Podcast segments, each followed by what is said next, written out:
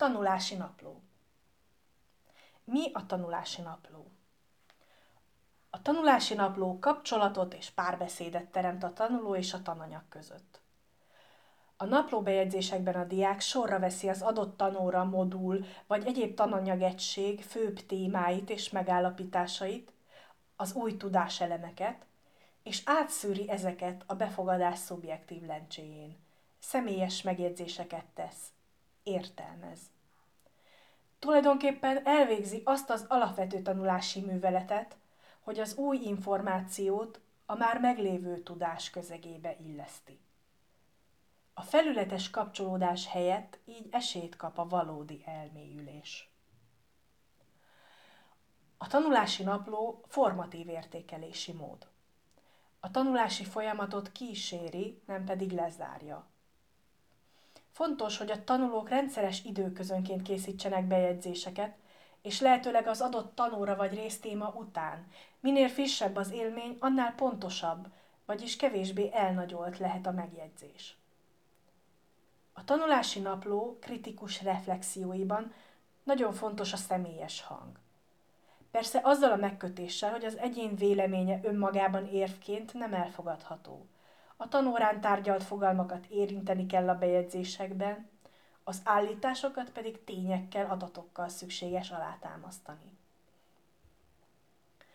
Mi lehet része egy tanulási naplónak?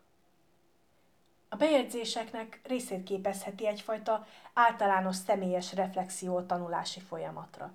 Helye van itt a sikerélmények és a kihívások számbavételének is.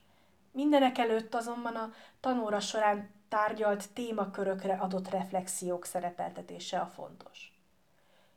Érdemes kérdésekkel segíteni azt, hogy a tanulók végig gondolják saját tanulásukat. Ilyen kérdések lehetnek például a következők. Mi volt számodra újdonság a héten feldolgozott témák, altémák közül? Mi volt az, amit megtanultál? Milyen új nézőpontot sikerült elsajátítanod? Van-e olyan dolog, ami még mindig nem világos? Van -e esetleg olyan új információ, megállapítás, ami összezavar téged? Volt-e valami meglepő? A feldolgozott anyagok vagy feladatok könnyűek voltak, vagy nehezek? Érdekesnek találtad a hét tárgyát vagy témáit?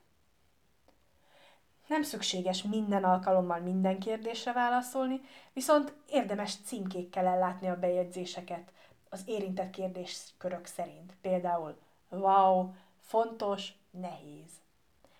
Megfelelő online szolgáltatás használatakor így később könnyebben áttekinthetőek a reflexiók.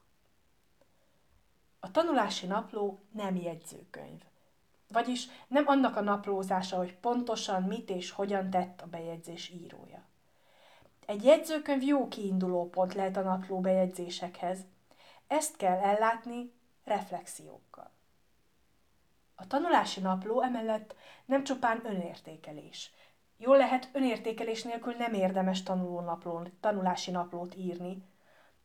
A tartalmi egységeket is fontos sorra vennie. Miért hasznos a tanulási napló? Noha eleinte a komolyan vett naplóírás nehéz, intenzív munka, idővel jelentősen hozzájárulhat a tanulók motivációjához. A tanulási napló a diákokban tudatosítja a tanulási folyamatot.